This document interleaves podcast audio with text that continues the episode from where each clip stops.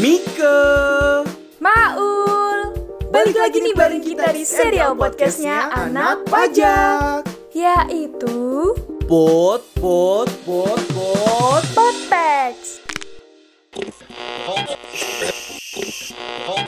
Warning alert. This podcast is specially designed for you. It may inspire and motivate you. So stick around and keep listen. Here it is. Lorong Kontemplasi.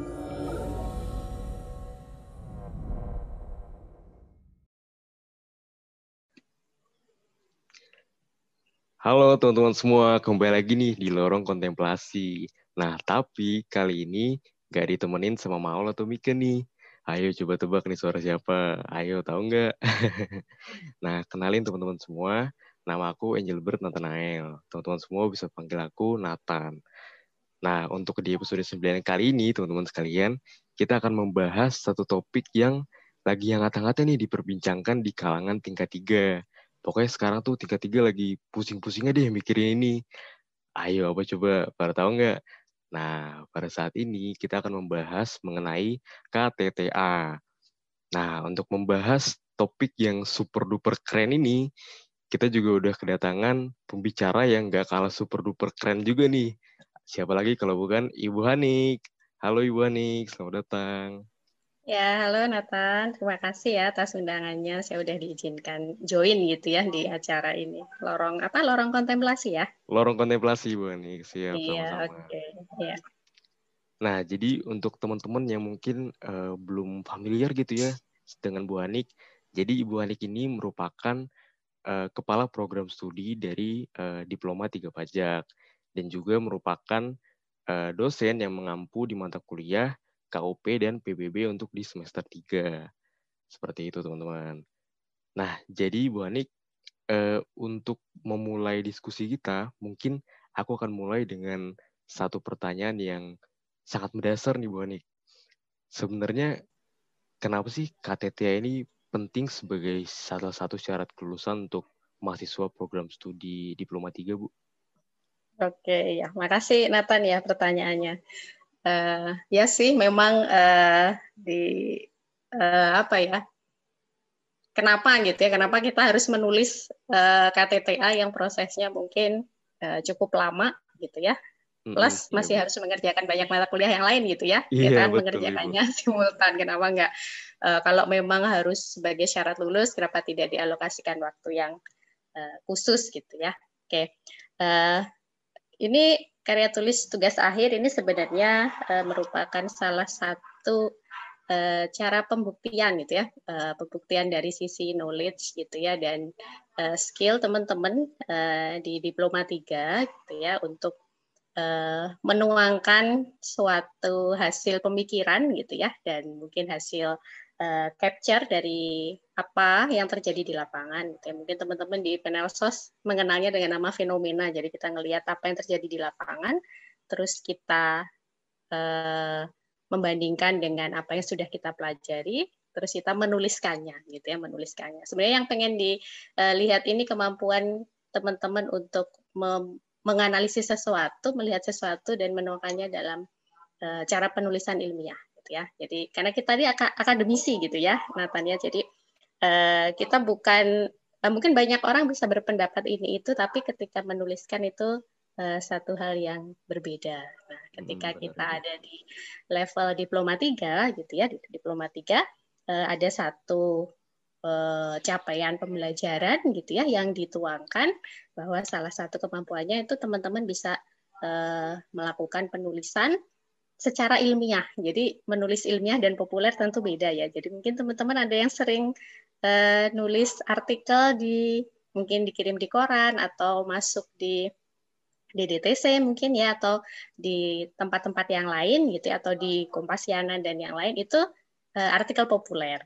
Ya cara nulisnya tentu beda dengan ilmiah atau ada juga yang mungkin eh, menulis fiksi gitu ya atau novel itu juga berbeda gitu ya dengan artikel ilmiah. Karena kita ini insan akademisi, maka kita juga dituntut punya kemampuan untuk menulis ilmiah gitu ya. Untuk eh, diploma 3 kita tidak memasang yang level tinggi gitu ya, tidak memasang yang level sampai kayak skripsi. Nah, cukup sampai uh, di capture itu minimal itu kita bisa melihat sesuatu apa yang terjadi dan membandingkannya dengan teori yang kita uh, sudah pelajari gitu ya. Nah itu uh, uh, filosofinya seperti itu. Karena kita uh, sudah mahasiswa kita dituntut punya skill untuk menuliskan sesuatu sesuai dengan uh, kaidah dan sistematika penulisan ilmiah gitu ya. Kemudian yang kedua sebenarnya simple gitu ya, karena itu ada di kurikulum Nathan ya. Jadi dia masuk di rangkaian kurikulum di SK kurikulum dan SKS-nya memang uh, jadi salah satu bagian yang menentukan kelulusan gitu ya. Kalau di peraturan vokasi kita kan memang eh, SKS itu dihitung, eh sorry IPK itu dihitung dari uh, nilai setiap mata kuliah sesuai dengan bobot SKS-nya. Nah, kebetulan KTTA ini ada dalam SK kurikulum, jadi memang harus diselesaikan gitu ya, eh, dan menjadi syarat kelulusan untuk teman-teman di diploma 3. Seperti itu mungkin. Oke, baik Bu. Jadi emang uh, untuk KTTA ini tuh dituntut teman-teman supaya bisa sebagai insan akademisi gitu ya Bu. Iya, betul. Bisa uh, menganalisis dan menuangkan dalam penulisan ilmiah gitu ya Bu. Yeah. Karena mungkin kalau tulisan populer kan udah banyak ya teman-teman yang kreatif yang udah punya artikel di mana-mana. Nah, cuman untuk tulisan ilmiah ini sendiri kan butuh ada pendekatan khusus ya Bu, yeah. ada riset dan lain sebagainya. Betul, betul. Ya, dan mm, dan termasuk juga ke dalam kurikulum juga ya Bu ya, mm -mm. yang salah satu menentukan kelulusan. Mm -mm. Mungkin okay, memang baik. ini ya, SKS-nya tidak terlalu tinggi ya, SKS-nya kan dua tuh. Hanya dua mm -hmm. ya, dua MKB. Jadi mungkin sebagian yeah. kan iya kan lama ya mengerjakannya kenapa SKS-nya kecil gitu ya yaitu karena kita punya batasan hmm. batasan maksimal SKS sebenarnya gitu ya jadi kita yeah. uh, masih pasang di dua gitu. Oke baik ibu nah uh, dalam menyusun KTT ini sebenarnya teman-teman tuh masih banyak yang agak bingung gitu bu ini sebenarnya cara menyusun KTTA yang baik gitu ya Bu. Itu gimana sih Bu? Apakah perlu suatu ide yang brilian atau misalkan kita lihat dulu datanya apakah data datanya tersedia di lapangan atau bagaimana? Itu bagaimana Bu cara menyusun KTT yang baik? Oke. Okay. Uh, eh, mungkin ini uh, apa ya?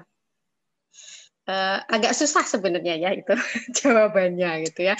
Karena kalau kalau saya saya dulu belajar, saya waktu uh, diploma 3 membuat KTTA sebenarnya Nathan. Jadi hmm. saya kebetulan uh, dari akuntansi ya dulu ya. Jadi kami nyebutnya yeah. dulu tuh bukan prodi ya, spesialisasi. Spesialisasi iya, akuntansi yeah, itu uh, di kelulusannya membuat karya tulis tugas akhir. Kalau di spesialisasi pajak, kemudian spesialisasi anggaran, kemudian spesialisasi PPLN, bila ada spesialisasi PPLN itu melakukan PKL gitu ya. Nah, jadi karena teman-teman yang Eh, non akuntansi itu bikin laporan PKL, sedangkan yang akuntansi kebetulan nggak PKL ya dulu. Akuntansi itu membuat karya tulis tugas akhir itu sebagai uh, syarat kelulusan.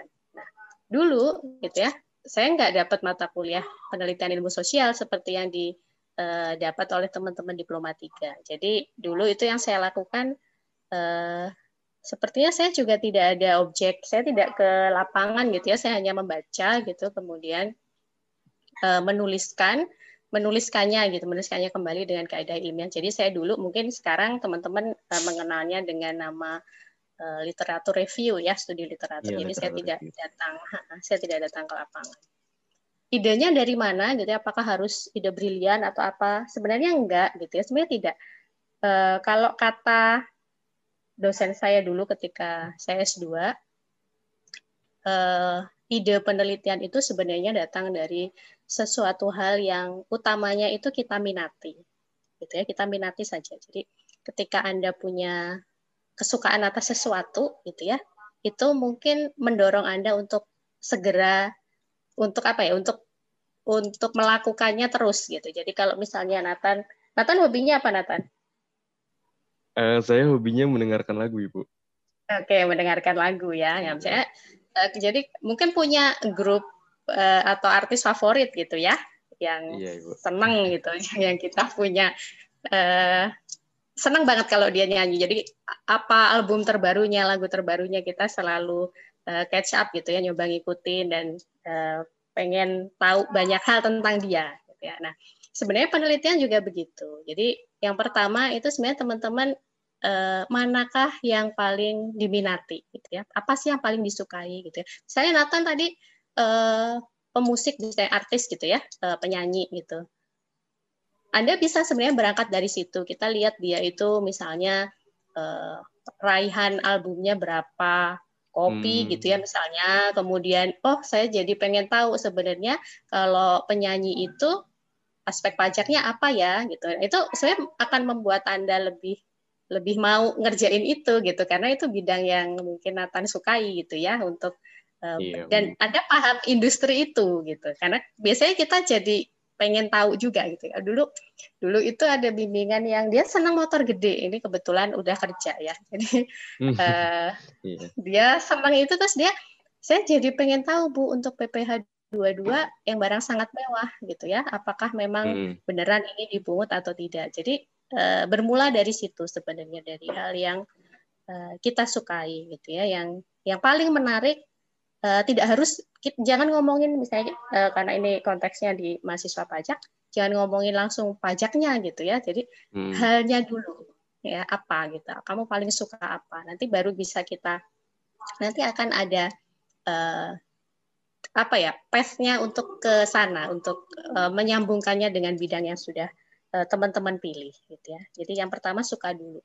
Nggak harus sesuatu yang gimana ya eh, mengguncang dunia gitu enggak gitu. Karena dunia setiap orang beda gitu ya. Dunia saya iya. dunia Nathan mungkin beda. Tapi eh, kalau kalau buat saya itu sebenarnya yang pertama teman-teman itu adalah hal yang disukai gitu ya hal yang disukai. Oke. terus yang kedua yakin bahwa itu eh, suatu hal yang bermanfaat nanti gitu ya suatu hal yang bermanfaat. Yang bermanfaat itu yang seperti apa sih akan membantu menyelesaikan masalah bagi beberapa orang gitu ya atau membantu memberikan gambaran bahwa eh, ada hal lain yang mereka belum tahu dan mereka seharusnya tahu gitu ya. Jadi eh, itu sebenarnya. Untuk mulai menulis itu ya ya kita sebenarnya harus eh, tadi kamu sukanya apa? Ya sebenarnya tahap itu Hmm. harusnya udah dilewati. Karena ketika teman-teman milih bidang tuh harusnya udah udah udah ke sana ya Iya, benar. cuman eh, cuman memang gitu ya. Jadi misalnya gini ada mahasiswa bilang saya milihnya potput gitu ya. Saya nanya kenapa kamu milih potput karena jenis pajaknya banyak gitu ya. Ada 21 ada 22 ada 23 ada eh, 15 gitu dan seterusnya. Hmm. terus betul gitu. Jadi kita mikirkan banyak alternatif nanti. Tapi jangan lupa gitu ya banyak alternatif itu kadang membuat kita sulit memilih juga loh. Hmm. Ya kan misalnya misalnya Nathan nih di lemari ada baju 15 ya, 15 kemeja. Iya, Bu. Ketika memilih mau pakai baju yang mana kan kamu ngelihat 15 15-nya kan. Iya, Gitu. benar. Terus eh, terus yang mana ya yang paling mood saya hari ini yang mana ya terus kita milih satu ada kalanya kita lihat dan kita nggak tahu mau milih yang mana terus kita bilang ih nggak punya baju gitu ya. padahal ada sebenarnya nah kadang kita jadi kayak gitu kita milih satu bidang misalnya potput atau PDRD ini ya kebetulan eh, kalau kita ngomong jenis pajaknya itu banyak alasannya mungkin awal karena eh, kayaknya gampang deh jenis pajaknya banyak tapi kadang kita juga jadi bingung yang mana yang mau diambil. Jadi kadang kita Hmm. sebaiknya memang milih satu, satu aja gitu udah. Saya teman-teman dari awal sudah di di eh, set gitu ya. Saya mau ngambil PPH mengenai ini. Gitu. Mengenai ini itu ini itu adalah sesuatu yang yang teman-teman suka. Gitu. Meskipun kadang gitu ya saya tidak bisa me- memungkiri bahwa kadang teman-teman sama dosen pembimbing kan beda ya, beda beda Hmm, apa ya beda beda aliran beda Iya. selera gitu ya Beda selera jadi gitu mungkin ya jadi mungkin dosen pembimbing pengennya sesuatu yang eh, mungkin ya mungkin yang kekinian lah gitu ya mungkin ya Hmm. eh, tentang e-commerce tentang ini padahal sebenarnya mungkin teman-teman nggak punya eh, belum ke sana gitu saya Hmm. saya lebih pengen capture PPH UMKM misalnya gitu tapi dari dosen pembimbing beda nah di situ perlu kompromi Oke, ya. siap, Tapi- siap. Tadi kalau memulai ide sebenarnya kita melihat aja apa yang ada di sekitar kita ya, yang paling kita minati dan kita yakin itu akan bermanfaat gitu ya, kita akan bermanfaat. Nah, sebenarnya tadi eh, Nathan menyebutkan data gitu ya, apakah ketersediaan data itu harusnya menjadi pertimbangan atau tidak. kalau dulu ya dulu waktu saya S2 itu dosen saya bilang harusnya itu nggak jadi pertimbangan. Karena yang menentukan suatu topik layak ditulis atau tidak itu sebenarnya ya apakah memang benar-benar ada masalah gitu yang perlu dipecah. Hmm, iya iya. Gitu. Jadi data itu itu bagian dari perjuangan. Nah, cuman kita kan tetap nggak bisa dong menafikan kepraktisan. Kalau dulu mungkin saya S2 kan tidak dibatasi menulis ya. Kalau yeah. lewat semester ya bayar asal bayar ya bisa lanjut. Kan teman-teman nggak bisa kan? Nah, teman-teman kan yeah, ya bener, waktunya ya sampai segitu aja kalau nggak lulus ya nggak selesai ya nggak lulus gitu. Jadi memang kita harus eh, logis lah gitu ya. Hmm, harus logis. Jadi mau nggak mau ada tema uh, sesuatu yang kita sukai dan mau nggak mau kita harus melihat datanya. Saya kita udah semangat banget. Saya mau nulis tentang Freeport misalnya. Kita tetap harus uh, logis dan mencoba menjajaki emang Freeport mau ditulis. Kalau Freeport nggak mau ya jangan nulis itu, gitu. Karena nanti akan membebani diri kita sendiri. Gitu. Jadi memang uh, mau nggak mau harus dipikirkan sih itu Nathan ya. Karena karena kita punya constraint waktu. Kalau kita nggak ada constraint waktu, saya pikir ide kalau udah punya ide dan uh, memang memungkinkan ditulis ya, ya kita tulis saja gitu. Ide itu akan apa data itu akan bisa kita peroleh kok nanti gitu ya. Tapi memang perlu waktu mungkin agak lama. Oke. Gitu, jadi Nathan. kalau bisa aku uh, simpulin ya dari jawaban ibu yang uh, mm -mm. cukup mm -mm. banyak tadi. Jadi sebenarnya nggak mm -mm. mesti ide yang brilian ya bu ya, tapi uh, yang penting itu datang dari suatu hal yang benar-benar kita minati kayak gitu ya bu ya. Terus uh, yakin juga bahwa itu tuh suatu hal yang bermanfaat untuk uh, kehidupan masyarakat nantinya gitu ya bu ya untuk menyelesaikan masalah atau mungkin hal-hal yang lainnya. Terus yeah. uh, terkait data sebenarnya idealnya ketersediaan data tuh uh, bukan menjadi pertimbangan ya bu ya. Maksudnya nggak mm -hmm. ibaratnya itu nggak penting-penting banget. Nah cuman mm -hmm. kita tetap juga harus logis gitu ya bu ya melihat jangka waktunya. Mm -hmm. Kan kita kan seperti yang gue bilang tadi cuma nggak nyampe eh cuma sat, dua semester aja ibu ya bahkan nggak nyampe dua semester ya, nggak nyampe dua semester uh, gitu oke okay. nah uh, ngomong-ngomong terkait data bu jadi sebenarnya ada juga yang teman-teman yang nanya mengenai iriset DJP nah mm-hmm. uh, iriset DJP ini alurnya tuh bagaimana ya bu karena masih banyak mm-hmm. yang agak bingung nih oke okay, iya jadi ini untuk teman-teman yang ngambil uh, objeknya perlu data dari DJP gitu ya perlu ngambil data dari kantor atau mungkin perlu narasumber dari DJP gitu ya. Nanti ya, memang gitu. kalau DJP sudah sudah terpusat ya menggunakan e-riset. Jadi teman-teman masuk ke kanalnya e-riset ya, mungkin udah ada yang nyoba di pajak.go.id. Nah, nanti dia ada ada permintaan, ada request uh, beberapa hal yang harus dipenuhi gitu ya. Jadi mungkin teman-teman uh, yang pertama pasti harus punya proposal ya. Hmm. Jadi proposalnya udah jadi dulu tuh. Nah, karena proposalnya butuh diupload. Kenapa butuh diupload? Sebenarnya agar uh, mereka bisa membantu menugasi orang yang tepat gitu ya untuk tema tersebut. Karena kadang kita sendiri masih agak bingung gitu ya, kita minta ke direktorat ini itu mungkin sebenarnya bukan di situ tepatnya gitu. Jadi yang pertama memang proposalnya harus sudah ada ya. Kemudian dia juga minta ada surat ya, surat surat pengantar kalau nggak salah ya dari eh, kampus. Jadi itu harus dimintakan juga. Jadi teman-teman mungkin yang eh, sudah ada gambaran mau di mana, ya selesaikan proposalnya. Karena eh, proses pembuatan surat ini cukup lama, jadi teman-teman mungkin bisa sekaligus eh, bikin masukin mungkin TPP ya ada link sendiri ya. Mungkin TPP yeah, iya. sudah ada linknya itu minta dari jurusan untuk membuatkan uh, surat itu. Nah, ada surat pengantar, kemudian nanti ada pernyataan, ya, ada lampiran pernyataan di situ ada ada dokumen yang dipersyaratkan. Sebenarnya ini lampiran untuk eh, pernyataan untuk bersedia menyerahkan hasil riset nanti ke DJP dan kemudian ada transkrip ya kalau nggak salah ya. Jadi dia minta IP sebenarnya. IP dan oh, okay, uh, daftar nilai. Nah, itu kemarin kita sudah diskusi sama DJP. Uh, eh, mereka bersedia menerima hasil capture dari akun ya, akun mahasiswa. Kan teman-teman punya oh, iya, punya betul. akun masing-masing ya, itu ada daftar nilainya dan bisa ya? diambilkan. Ya betul, bisa diambilkan dari sana. Jadi tidak perlu ada surat resmi dari kampus. Jadi cukup uh, tangkapan layar dari portal mahasiswa saja. Nah, nanti uh, semuanya dikirim gitu ya. Nah, itu uh, masuk ke Direktorat P2 Humas semuanya datanya. Nah, nanti dari sana itu akan didistribusikan ya, tergantung temanya. Kalau misalnya teman-teman milih uh, di situ ada sudah ada KPP mana gitu ya, ya nanti akan di alurnya didistribusikan ke sana, ke Kanwil, ke KPP. Nanti KPP-nya kantornya akan dapat notifikasi bahwa uh, dari DJP sudah mengizinkan untuk riset di situ. Jadi ada ada kalau nggak salah sih ada ada nota dinasnya ya dari dari kantor hmm. pusat. Ini bahwa uh, mahasiswa namanya ini, judulnya ini, nanti bisa di KPP itu kayak gitu bisa bisa PKL di KPP itu.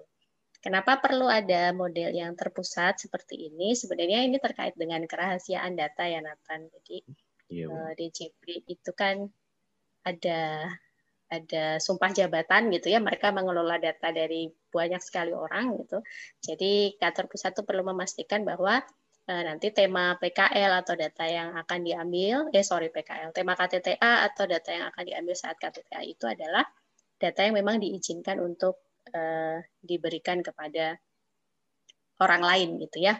Jadi makanya kalau teman-teman yang mau mengambil data WP tertentu, WP ABC itu pasti nggak dikasih, itu karena memang itu bagian dari kerahasiaan datanya DJP. Oke, baik. Gitu. Uh, cuman ini kan prosesnya bisa lama ya karena banyak ya yang minta riset, jadi mungkin yang di DJP bisa uh, bersegera gitu ya melakukan yeah. prosesnya. Hmm. Perlu dari sekarang ya Bu berarti ya disusunnya ya kalau mau menggunakan hmm, iriset hmm, hmm, Iya. Oke, baik. Iya, betul. Nah, jadi buat teman-teman yang masih bingung gitu ya, gimana sih cara iriset? Nah, barusan udah dijelasin nih sama Bu Ani. Jadi jangan bingung lagi ya sekarang teman-teman. Iya.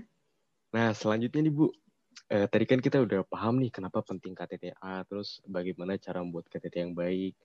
Nah, eh, gak bisa kita pungkirin kan kita sebenarnya juga berpacu dengan timeline KTT ya Bu ya. Apalagi kalau mahasiswa kan rata-rata kan banyak yang deadlineer nih Bu. Nah uh, kalau untuk timeline KTT kita yang sekarang ini Bu apakah kira-kira ada rencana perubahan kah atau gimana kalau yang sekarang kan pengumpulan proposal itu uh, dari tanggal 4 Januari sampai dengan 8 Januari ya Bu ya itu kira-kira ya, ada perubahan atau bagaimana Bu?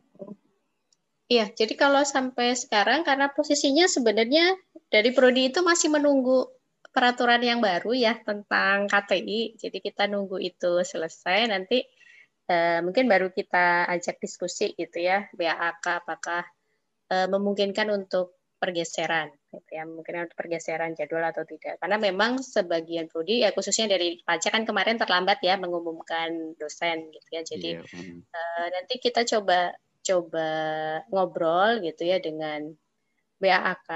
Tapi kalau saya soalnya bukan aliran ini ya Mas, bukan aliran PHP ya. Jadi kalau saya sih sebenarnya kalau belum pasti kayak gini kita pegangannya tetap kalender akademik ya. Jadi okay, ditanya uh, uh, tetap 8 Januari uh, itu adalah batas terakhir ke BAK. Saya tidak tahu kalau dari TPP uh, kadang agak sedikit uh, memajukan timeline tujuannya agar teman-teman bisa ngumpulin tepat waktu. Mm, Jadi kan karena di pool dulu ya biasanya ya, di pool dulu yeah. baru nanti uh, uh, kirim ke BAK-nya sekaligus gitu. Jadi nanti kita coba aja.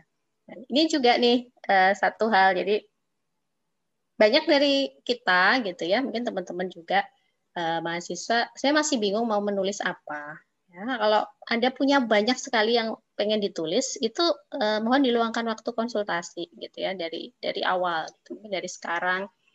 Karena kemarin kan kita ada UTS yang praktis teman-teman eh, pasti fokusnya ke UTS bukan ke yang lain. Hmm, dari iya. sekarang bisa bisa di mulai dikomunikasikan dengan dosen. Saya cuma khawatir seperti ini sebenarnya. Ini eh, akhir tahun kan ada libur yang cukup panjang gitu ya. Mungkin beberapa dosen itu, beberapa dosen pembimbing uh, pengen liburan gitu. Sementara mungkin teman-teman malah mau berencana menggunakan liburan itu untuk mengoptimalkan KTTA. Nah ini kan nggak nggak match nih. Anda hmm. pengen bimbingan KTTA, dosennya pengen liburan. Nah nanti ujuk-ujuk ketemu di Januari. Nah itu udah minggu pengumpulan gitu ya. Uh, khawatir ada miss gitu ya. Karena saya yakin sebenarnya semua dosen tidak ada yang pengen memper uh, lambat Anda. Mereka semua pengen pengen uh, tepat waktu juga ya, mahasiswa ngumpulin tepat waktu. Tapi memang prosesnya harus dijaga, harus dijaga dari sekarang ya Nathan. Jadi uh, kita iya, sama-sama lah, gitu ya, hmm. memaksakan diri memang ya. Yang sudah punya ide pasti senang ngerjain gitu ya. Pasti senang iya. ngerjain. Dia setiap hari dikerjain. Yang nggak punya ini yang yang, yang harus memaksakan yang, diri. iya benar. Iya betul.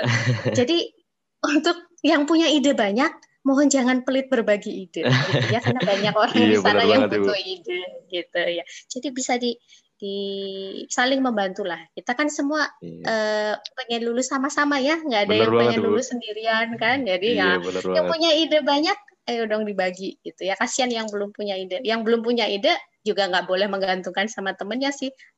Ayo kita mulai gitu ya.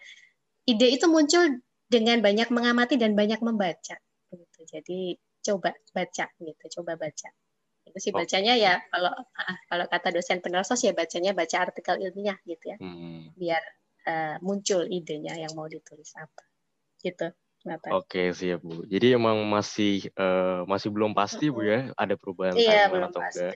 Tapi masih mencoba untuk ngobrol juga untuk dengan BAK-nya gitu. Iya, Tapi kalau betul. untuk sekarang berarti masih beracuan sama yang di Kaldik aja bu ya tanggal 4 sampai tanggal Iya 4. betul masih 4 sampai 8. Iya memang ini soalnya konsentrasinya nggak terpecah sama handle KTT sama handle PKL ya kami ya. Jadi belum. Hmm, iya iya bu belum belum apa belum secara intens membahas KTT lagi dengan BAK. Oke, gitu. siap deh Bu. Nah, tadi juga udah sempat disinggung sama Bu Hanik. Jadi untuk uh, teman-teman yang masih bingung nih mau nulis apa gitu ya, sakit banyaknya ide, boleh banget teman-teman dicicil bimbingannya dari sekarang supaya nanti di akhir tahun tuh uh, takutnya kan banyak yang pengen liburan dosen bimbing kita atau gimana. Jadi ketemunya ntar malah di Januari lagi, deadline lagi kan. Padahal niatnya udah pengen dicicil dari sebelumnya, eh ketemu di Januari. Nah, jangan lupa dicicil ya teman-teman. Oke. Nah, uh, last but not least nih Bu, kira-kira mm -hmm.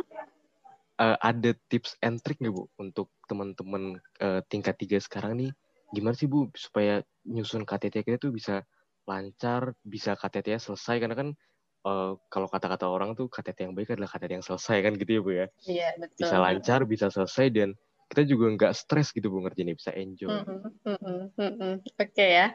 Uh, jadi mungkin tadi yang pertama seperti pertanyaan yang uh, awal tadi ya Nathan ya ini harus sesuatu yang anda sukai gitu ya. Jadi itu uh, buat saya sih itu sebenarnya hal yang paling utama ya. Yang paling utama tuh Uh, temanya Anda suka. Karena itu pilihanmu gitu ya. Bidang KTT itu pilihan Anda. Jadi asumsi saya harusnya ini sesuatu yang Anda suka gitu. kalau belum suka kita coba mulai untuk menyukai ya. Jadi yang pertama uh, jadikan itu satu hal yang Anda sukai. ya, kalau kalau belum suka mungkin dipaksa-paksa suka gitu ya. Mungkin dipaksa-paksa suka. Nah, terus yang kedua ya. Disiplin sebenarnya kita itu. Disiplin itu uh, misalnya uh, kita sudah tahu timeline gitu ya, timelinenya tidak tidak cukup panjang ya, mungkin cukup hektik gitu ya, ag agak padat ininya, pendek waktunya, ya. Kita disiplin memulai. Melihatnya ya, kita disiplin untuk melihat draft kita itu minimal sehari ya sekali, sehari sekali. Kalau mungkin ada beberapa orang itu yang uh, memberikan saran menambahkan satu kalimat gitu setiap hari. Anda baca lagi, Anda tambahkan, Anda baca. Tapi kita memaksa diri kita untuk melihat itu, memaksa diri kita untuk melihat KTTA itu, ya. Terus uh, mungkin tidak kalah penting sebenarnya kita mempelajari uh, dosen pembimbing kita gitu ya, uh, keinginannya, kemudian pola pembimbingan yang beliau harapkan. Ya, jadi ini ini teman-teman saya melakukan riset sederhana ya. Biasanya sih nanya sama kakak tingkat gitu ya untuk dosen pembimbing yang sama. Biasanya nih gayanya kayak gimana? Nanti kita bisa menyesuaikan. Kadang ada mahasiswa bimbingan yang berharap dosennya selalu uh, respon cepat gitu ya terus melakukan pembimbingan dengan detail uh, tapi mungkin dosennya memang bukan tipe yang seperti itu ya atau mungkin uh, ada beda antara hal yang diinginkan oleh mahasiswa dan hal yang bisa disediakan oleh dosen. Ya, jadi itu eh, sesuatu yang harus anda lihat lagi Misalnya dosen ini mengharapkan Anda bimbingannya terus-menerus setiap minggu, ya Anda mencoba untuk setiap minggu bimbingan. Ya, dengan kayak gitu biasanya uh, lebih enak nanti komunikasinya dan uh, bisa hasilnya bisa lebih optimal gitu ya. Karena beberapa kali tuh kami dapat uh, info dari dosen, ada mahasiswa yang mungkin saking bingungnya mau nulis apa, last minute gitu ya. Jadi last minute baru ngasih. Ngasihnya udah jadi udah jadi satu uh, proposal atau satu KTTA dosennya tidak punya waktu untuk melakukan pembimbingan dengan proper ya dengan sesuai. Karena dosen juga tidak ingin uh, menjadi orang yang mempersulit. Biasanya beliau tanda tangan saja. Tapi uh, ini mungkin selesai ya. Ini dalam dalam tanda petik selesai tadi yang Nathan bilang. Tapi sebenarnya selesai yang tidak selesai gitu ya. Jadi selesai hanya hanya ya selesai sebatas formalitas, formalitas tapi dari konten ya, iya, iya. Tapi dari konten sepertinya dari tidak ada kepuasan antara uh, dosen dan mahasiswa yang dibimbing. Ya, jadi ya. Uh, mungkin kita perlu lihat ya, perlu lihat polanya dosen pembimbing kita itu seperti apa, uh, berkenanya di yang mana. Kita harus bisa toleransi ya menyesuaikan dengan dosennya, dosennya juga uh, insya Allah akan mencoba menyesuaikan gitu ya dengan teman-teman mahasiswa. Kalau sulit sekali menyesuaikan, Anda itu saatnya Anda komunikasi sama prodi agar kita bisa bantu untuk uh, menengahi, gitu ya. Nah, Oke, okay, baik. Jadi Anda menyukai itu, Anda disiplin memaksakan diri dan uh, Anda coba pelajari dosen pembimbing Anda seperti apa, nanti ketemu jalan tengahnya. Nah, itu insya Allah bisa selesai gitu ya, bisa selesai tepat waktu dan uh, selesai dengan seharusnya gitu. Jadi ini masterpiece gitu ya, ini masterpiece. Jadi mungkin ketika uh, saya kemarin pengarahan gitu ya, pengarahan kepada mahasiswa KTTA beberapa waktu yang lalu, ini warisan ya. Kalau manusia uh, meninggalkan dunia itu kan uh, idealnya dia meninggalkan warisan yang bermanfaat tentu saja gitu ya. Kalau misalnya kita ngomong uh, harta ya harta yang dibagikan gitu ya kepada para ahli waris. Ini warisan uh, Anda semua mahasiswa semester 6 ya mahasiswa tingkat 3 kepada kampus dan kepada adik-adikmu. Jadi kalau warisan itu kita kan pengen meninggalkan yang terbaik, maka tulisan ini juga harus kita usahakan itu adalah yang terbaik saat ini.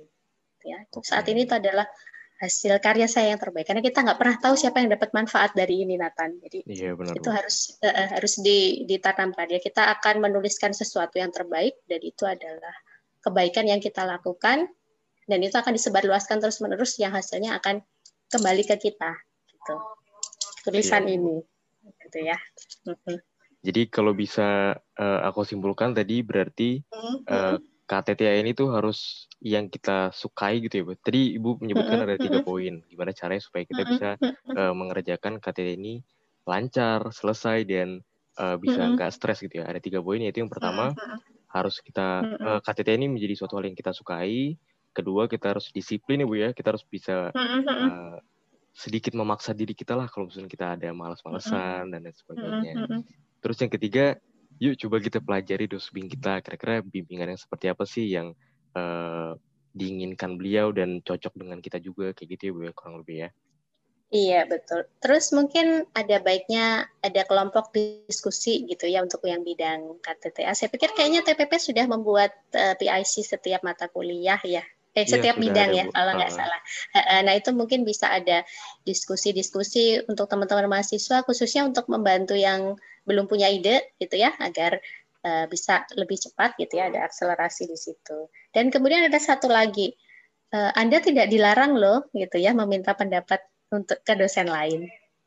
Jadi jangan berpikir uh, ketika sudah ditetapkan dosbing maka saya tidak boleh koordinasi dengan dosen lain gitu atau tidak boleh minta masukan. Itu boleh kok gitu.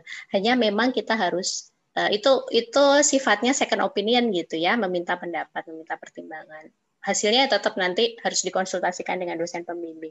Tapi itu sangat terbuka ruang itu. Jadi jangan takut gitu ya. Anda bisa nanya pertimbangan dari siapa pun. Gitu Nathan. Oke, berarti bisa juga kita bentuk kelompok gitu ya Bu ya per bidang untuk saling mm -hmm. bantu membantu. Terus juga uh, kalau mau nanya ke dosen yang lain juga diperbolehkan ya Bu ya sebenarnya ya, nggak dilarang. Iya boleh boleh. Mm -hmm. Nah luar biasa banget ya teman-teman bahasan kita hari ini. Jangan kan teman-teman aku juga uh, apa ya ada pandangan baru lah setelah ngobrol dengan Bu Hanik pada saat ini. Nah, uh, jadi teman-teman semua uh, dari diskusi kita dengan Bu Anik uh, saat ini, kalau aku bisa sum up semuanya ya teman-teman, uh, jadi KTTA ini sebenarnya penting sebagai syarat kelulusan karena uh, ini tuh melatih skill kita teman-teman. Gimana caranya kita bisa uh, sebagai insan akademisi ya, kita bisa menganalisis dan uh, menuangkan hasil tulisan kita dalam uh, penulisan ilmiah gitu. Terus juga ini kan termasuk dalam uh, kurikulum yang menentukan kelulusan. Terus uh, bagaimana sih cara kita bisa menyusun KTT yang baik?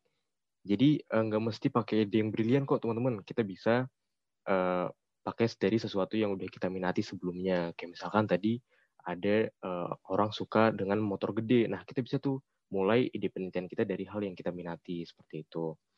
Terus uh, kita harus yakin juga bahwa uh, penelitian yang akan kita lakukan ini tuh bisa bermanfaat bagi uh, masyarakat nantinya. Nah, terkait timeline KTTA untuk sementara ini uh, masih diupayakan untuk uh, berbincang dengan uh, BAK ya tadi seperti yang dibilang Bu Anik. Cuman uh, kita berpacuan pada yang ada di Kaldik aja dulu teman-teman, yaitu uh, tanggal 4 Januari sampai 8 Januari. Terus uh, tips and trick gimana menyusun KTTA yang lancar, selesai dan tidak stres itu ada tiga. Yang pertama, kita uh, seperti yang tadi ya, di awal kita harus sesuatu uh, memulai penelitian kita dengan sesuatu yang kita sukai, yang kita minati. Terus yang kedua, kita harus disiplin, gitu ya. Kita harus sedikit memaksa diri kita nih teman-teman. Kalau misalnya kita agak malas-malesan, mager, orangnya itu nempel molor gitu ya, sedikit nempel langsung molor. Yuk kita mulai uh, memaksa diri kita sedikit untuk bisa menyelesaikan KTTA kita. Terus yang ketiga, yuk kita juga coba uh, mempelajari dosbing kita nih. Kira-kira bimbingan dari dosbing kita tuh seperti apa sih? Apakah uh, metodenya uh, kita tanya langsung dijawab atau mungkin perlu ada uh, riset yang lebih dalam dulu dari kita atau bagaimana? Itu bisa kita pelajari dengan cara mungkin kita bisa juga tanya ke kakak tingkat ya yang udah lebih uh, berpengalaman dari kita dengan dosbing uh, yang sama seperti itu dan lain sebagainya. Nah, yang paling penting teman-teman yang bisa aku ambil dari diskusi kita bahwa KTTA ini tuh warisan kita untuk uh, kampus uh, ada tingkat dan mungkin juga untuk masyarakat. Jadi uh, yuk sama-sama kita buat KTTA ini menjadi suatu masterpiece buat kita dan untuk kampus juga supaya uh, ini tuh menjadi suatu yang bisa kita kenang teman-teman dan bukan hanya sekedar uh, formalitas saja seperti yang udah diceritakan tadi dengan Ibu Anik. Uh, cukup segitu aja teman-teman uh, episode 9 kali ini yang bahas tentang KTTA. Terima kasih banyak Ibu Anik sudah mau berdiskusi dengan lorong kontemplasi di saat ini. Semoga selalu sehat dan sukses selalu juga ya Bu. Ya, amin, amin. Terima kasih kembali Nathan. Ya, semoga teman-teman semuanya juga uh, sehat gitu ya, diberikan kemudahan, kekuatan dan lancar gitu ya semuanya. Amin. Terima kasih amin. banget ya. Siap, sama-sama Ibu. Oke, teman-teman sekalian, eh, aku Nathan pamit undur diri. Bersama kita berkontemplasi, karena berkontemplasi menghadirkan solusi. Sampai jumpa di episode berikutnya ya. Dadah.